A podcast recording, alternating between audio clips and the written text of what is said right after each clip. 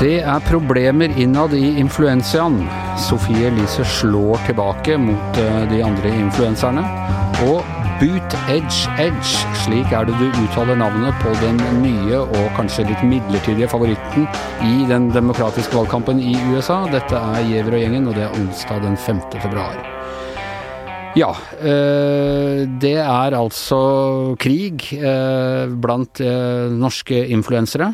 De, og det hele har vel ulmet en stund, men det ble fullt utbrudd under Vixen Awards her forleden. Vi kan høre denne, fra denne takketalen til Kristin Gjelsvik, som valgt Var det årets blogger hun ble Nei, Kristin Gjelsvik vant for Årets sterke mening. Årets sterke mening. Her kommer hun med en sterk mening til. Hør på dette. Okay, først og fremst vil jeg bare si tusen takk for denne prisen, for det er viktig å skrike høyt når man ser noe man er veldig uenig i. Og så må jeg si at det er et paradoks at den samme bloggeren og det foretaket som jeg valgte å ta tak i tidligere i fjor, som òg er grunnen til at jeg står her i dag, nettopp vant prisen for Årets Business, og også har mulighet til å vinne kategorien Årets blogger. Ja. Min video det var en absolutt nødvendighet. For dette her det er så jævlig mye større enn en bloggkrangel som veldig mange medier prøvde å få det til å virke som. Det er snakk om å bagatellisere noe som er jævlig viktig. Dette her handler om et kynisk apparat som utnytter og tjener fett på unge menneskers ukesikkerhet.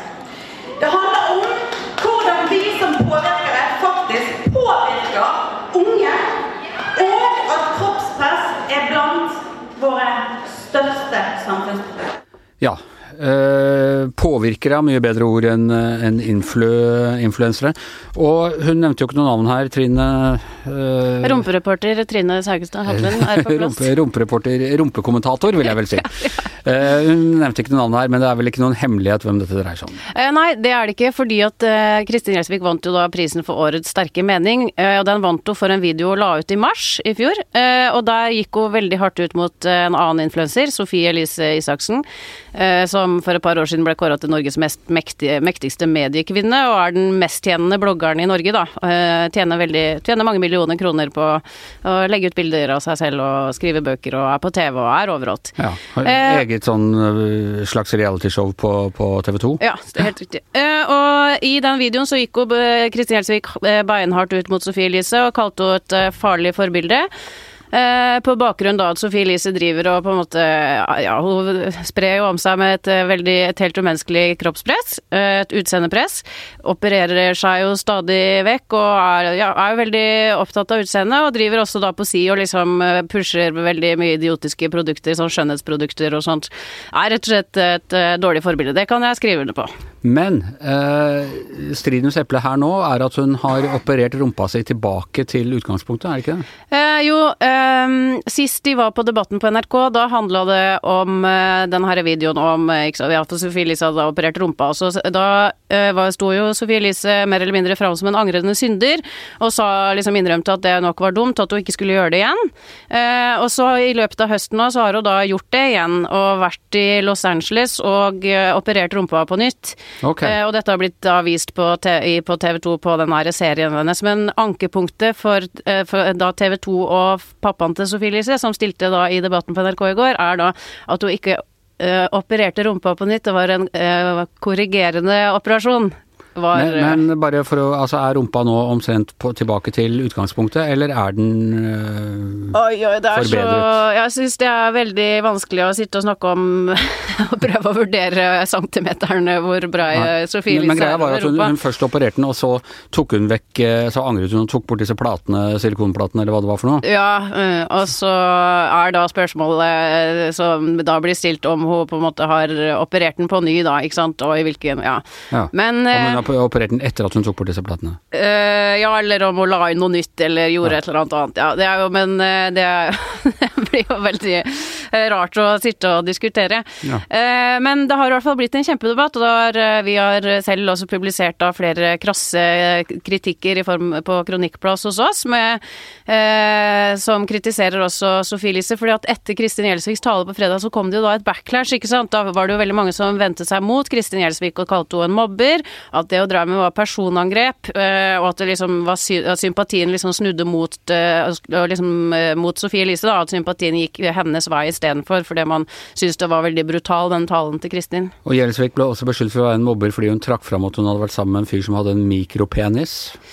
Uh, ja, det var jo også noe veldig rart, da. Fordi at uh, hun har visst uh, i en tidligere episode av podkasten eh, sin egen podkast da gjort narr av en eh, Jeg vet ikke om det var en VG pluss-sak eller Dagbladet pluss eller noe sånt om en mann som hadde mikropenis. Ja. Men det er på en måte helt på siden, egentlig. Det har ikke noe med, med ikke noe med den her. Eh, det som jeg har lyst til å si om hele debatten, fordi at det er liksom lett å fnyse litt av den, det har vi jo gjort alle sammen på Jeg har lovet deg å ikke være sånn gammel mann her, så jeg sitter og Jeg, jeg, kunne, jeg, ja, jeg merker jo at entusiasmen er bobler over. Jeg syns dette er veldig interessant, ja. Men det, Eh, det, vi skal faktisk ikke kimse av den debatten her, fordi at eh, kroppspress er jo man, Når man er voksen, så ler man jo litt og syns det er litt sånn uviktig og sånn, men for de som vokser opp, så er det jo, eh, er det jo et stort problem. det er jo veldig mange unge som sliter med psyken, og forskning viser at mye av det kroppspresset de føler på, eller at den psykiske helsen kommer da henger sammen med liksom kroppspress og det utseendepresset, at de føler at de ikke er gode nok, ikke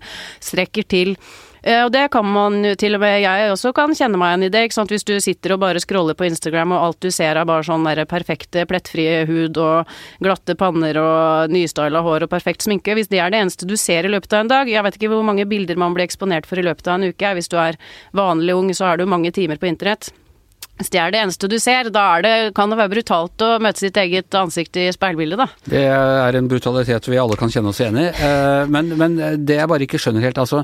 Eh, det er jo ganske sterke sånn, man går veldig sterkt ut mot hverandre. Og hva var det hun sa? At når du ser noe du er enig i, så er det viktig å skrike høyt. Mm. Samtidig så har jeg inntrykk av at altså Isaksen er jo ikke den eneste påvirkeren som har tatt litt operasjoner og fiksa litt på utseendet og er litt opptatt av utseendet og uh, legger et litt sånn kunstig høyt nivå på, på hvordan du skal se ut. Nei. Dette gjelder jo de som kritiserer henne også. Jeg tror VG lagde en sak på det for to år siden hvor de på en måte gikk gjennom den topplista blant bloggerne, og der, der viste vel at åtte av ti av topploggerne, de som ligger på toppen med flest lesere og flest følgere, da, åtte av ti hadde foretatt en eller annen form for plastisk operasjon eller injeksjoner eller gjort noe sånn unaturlig med eh, huden sin, da. Sånn at det er jo det er litt sånn høna og egget-diskusjon her, ikke sant, men Men hvorfor er de da så sinte på Isaksen, eller hvorfor blir, er, er hun noe verre enn de andre? Eh, Kristin Gjelsvik har nok ikke noen operasjoner eller noe sånt. Jeg tror hun Nei, men det var hun andre som drev og kritiserte henne her. Ja, Isabel Rad. Ja, ja. Hun, har jo, hun har jo også gjort det, men er jo på en måte nå har jo på en måte sier nå at du har gjort en eller annen slags uh, selvransakende reise og på en måte skjønt at det var dumt, uh, alt det hun drev med for to år siden, da. Okay, ja. det, det sa er, det det, er det ikke det Isaksen har gjort å nedskalere rumpa si igjen også, på en måte? Eh, jo, men spørsmålet er om hun egentlig har gjort det eller ikke. Oh, ja, ja. Så det, det, var det vi egentlig ikke skulle snakke om, de centimeterne. Nei da, men eh, jeg tror ikke debatten er helt uh, over ennå. Jeg syns eh, det er veldig viktig at vi snakker om det. For at kroppspress, altså det, det, er et stort problem for de unge. De, de har det jo Jeg er enig, men, men, jeg vil jo si at denne krangelen kanskje overskygger det viktige budskapet. Og så lurer jeg på, som gammel kyniker, går det an å tenke seg at ved å holde, hvis en tre-fire influensere holder en sånn catfight gående på den måten der, så genererer det ytterligere interesse for eh, bloggene deres? Ja, men jeg, vet du hva, jeg tror faktisk ikke at det er Kristin Gjelsviks motivasjon her å få flere følgere på. Jeg tror faktisk hun føler på det samfunnsansvaret, eller eh, hva jeg skal si, på det. Jeg tror det engasjementet hennes er eh, veldig ektefølt. Hun er jo også en av de som er litt sånn annerledesbloggere, ikke sant. Hun driver ikke og reklamerer for fillers og eller hun holder ikke på med alle de tingene der. Så jeg tror det engasjementet er ekte. Og jeg tror Blogg-Norge har i hvert fall veldig godt av at, at de også fins. At det finnes noen som uh... Nå har jo vi da publisert uh, det to, to eller tre innlegg i denne debatten. Ja, tre pluss et svar fra Sofie Elise Ja. som kom eh, i går kveld. Og relativt høy interesse, er det ikke det? I forhold til når vi skriver om eh, Det er veldig, veldig høy interesse for disse sakene her. Ja, i forhold til når vi skriver om nasjonaløkonomien og eh, arvene til Siv Jensen i Finansdepartementet og sånn. Jeg tror ikke du vil se det tallmaterialet, okay. Anders. Da, da skal jeg ikke be om det heller. Tusen takk til deg, Trine. Uh, ja, Uh, vi har bare måttet ta oss selv i nakken. Vi har drevet og, og kokettert litt med her, Per Olav Ødegaard, at vi ikke er så gode på å uttale navnet til uh, borgermesteren i South Bend, Indiana.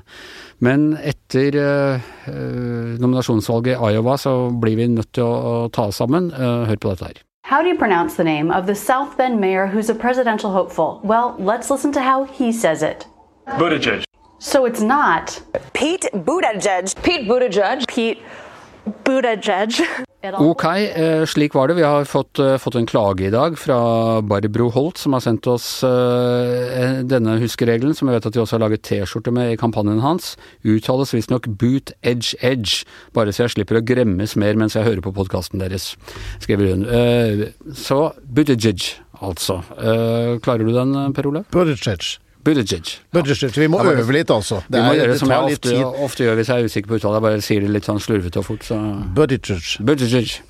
Eh, Men altså, eh, da de endelig fikk tatt seg sammen, telte opp og gjort noe med stemmene, så jeg vet ikke om de er helt ferdige ennå, men alt tyder på at han da faktisk eh, vant eh, nominasjonsvalget i Iowa. Ja da, nå har de talt opp 71% av disse kretsene, da. Så, men det ser ut som han eh, vinner knepent foran Bernie Sanders. Og det er jo i seg selv litt av en sensasjon. Han er altså Det er en sånn Obama-sensasjon. Ja, det er det virkelig. Eh, Alle visste at han hadde drevet en god valgkamp i Iowa, og at han hadde betydelig støtte, men, men ikke at han skulle vinne. Nei. Kanskje han kunne bli nummer tre, eller nummer to eller tre, kanskje. Og dette er altså en Han er 37 år gammel. 38 er han blitt nå. Ja, en av de aller yngste mm, seriøse presidentkandidatene mm, noensinne. Nesten ti år yngre enn eh, Obama var. Han er eh, gift, homofil. Ja. Og han er krigsveteran, mm. og han eh, er altså en helt Altså I denne valgkampen som domineres av eh, hvor den yngste er Donald Trump på 73 blant mennene, eh, blant de som dominerer, så er han en helt eh, annerledes kandidat. Har han noen som helst sjanse?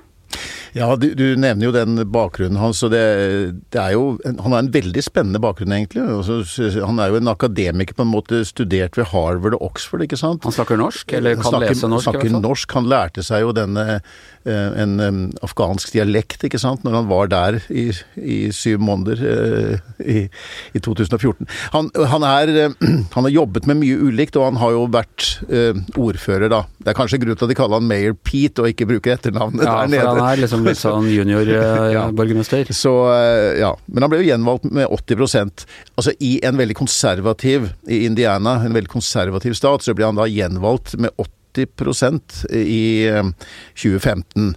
Eh, Så han har jo draget på velgerne, og det ser vi jo nå. Eh, han representerer jo på en måte den han er den mest uerfarne likevel, da, av disse presidentene. Men nå sier jo det ikke Når de andre er i 70-årene, så er det klart de har dratt på seg noe mer erfaring innenfor politikken. Så han er den mest Politisk sett er han mer erfaren enn Trump, f.eks. ja, han har jo sittet i et Han er blitt valgt og gjenvalgt og har sittet nesten i ti år, da. Um, så um, som en ordfører, men i en relativt liten Eller altså før Trump ble president. Har South Bend er jo liksom ikke noe Et sted vi ikke de fleste av oss har hørt noe om uh, før denne gangen. Jo, han har, jeg tror han har en sjanse. akkurat som, altså, Amerikanere liker jo litt sånn outsider, litt sånn underdogs, ikke sant. Og, og kanskje de har, vært, de har vært på leting og sett etter noen som kan representere noe annet. Og Biden blir på en måte en del av the establishment. Sanders hadde muligheten sin for fire år siden. Eh, Elizabeth Warren sliter med liksom å få den store entusiasmen om sin valgkamp. Og så kommer han da inn og representerer noe ungt og friskt og annerledes. Jeg går ut fra at ungdomsstemmene vil, eh, vil kunne bli eh, ganske avgjørende her. Jo, men Det er jo litt rart, da, for de unge stemmer jo i veldig stor grad på den aller eldste, altså eh, Bernie Sanders. Bernie Sanders mens eh, Pete Buttigieg, Buttigieg, Buttigieg. eh, Buttigieg han drar ganske mange eldre, faktisk. Eldre velgere. Ja. Um, men han har ett problem, og det er at han har liten appell hos minoriteter, og ikke minst de svarte da, i USA. Og det er jo en du skal, Hvis du ikke hvis du skal være demokratisk presidentkandidat, så må du virkelig få støtte av 90 eller pluss av de svarte velgerne. Og det er jo det spennende. Det var jo forrige gang òg, så det gikk bra med Bernie Sanders til de kom til eh, sørstatene. Og, og der begynner det å eh, butte imot. Og det kan du gjøre igjen, og da er, det, da er det jo mange som tror at da vil Joe Biden, som nå gjorde det riktig elendig i Iowa, og kanskje ikke kommer til å gjøre det så bra i New Hampshire heller, men eh, det er der det vil utkrystallisere seg. Men i mellomtiden så skal de jo til New Hampshire om en uke. Um, og der har jo Sanders ledet da, i målingene, men det er jo, det er jo uvanlig da at man får et lite sånn uh, Man får en opptur i målingene når du vinner, ser ut som man vinner nå i Iowa. Og det, det, det gir nok noe eh, et litt visst momentum da, inn mot eh, New Hampshire. Så hvis han klarer å vinne, eller ta igjen, eller gjør det nesten jevnt med Sanders der også, Hvor ødeleggende var det for han dette rotet som gjorde at han ikke kunne stå fram i, i går morges, eller altså da natt til i går i USA, og være den store overraskende seierherren, men måtte nå dele oppmerksomheten med State of the Union og riksrettssaken og alt dette? Jeg vet, altså, du, du er jo inne på at det har hatt en betydning, at det ville vært mye sterkere hvis det kunne kommet den kvelden og den natten. Jeg vet ikke, jeg tror likevel at man merker seg dette. Han er jo den store seierherren uansett, da. Er det, er det, men det kan fortsatt, altså når de er ferdig med å stelle, telle opp stemmene, kan det ikke da vise seg at Sanders har vunnet likevel? Er det Kanskje, det, er, det, er såpass, det er såpass knepent, men de sier at de 71% av valgkretsene er ganske representative representativ for staten. Men det er jo bare 1,6% som skiller de, da, i dag, altså per nå. Sånn at det, det kan selvfølgelig være at eh, det endrer seg til slutt. Ja. Men uansett så er det han som er overraskelsesmannen og, og den store taperen. For de sier jo ofte at Iowa er sånn Det er kanskje ikke den som peker ut vinnerne, men den kan i hvert fall peke ut taperne. Og Biden er definitivt den som kommer dårlig ut her. Ja. Og så er det vel ingen uh, demokrat som har vunnet nominasjonen til partiet uten å vunne, vinne Iowa på ganske lang tid, i hvert fall. Nei, Nei. det. Nei, og det gjorde i hvert fall denne valg, valgkampen litt mer spennende enn øh, enn den var for bare noen uh, dager siden. Du var tidlig oppe i natt, eller seint oppe i går, eller hva skal vi si, og så på State of the Union-talen til Donald Trump. Eh, Er vi nå der at Nancy Pelosi faktisk er enda mer barnslig enn Trump når det kommer til øh, infantile markeringer?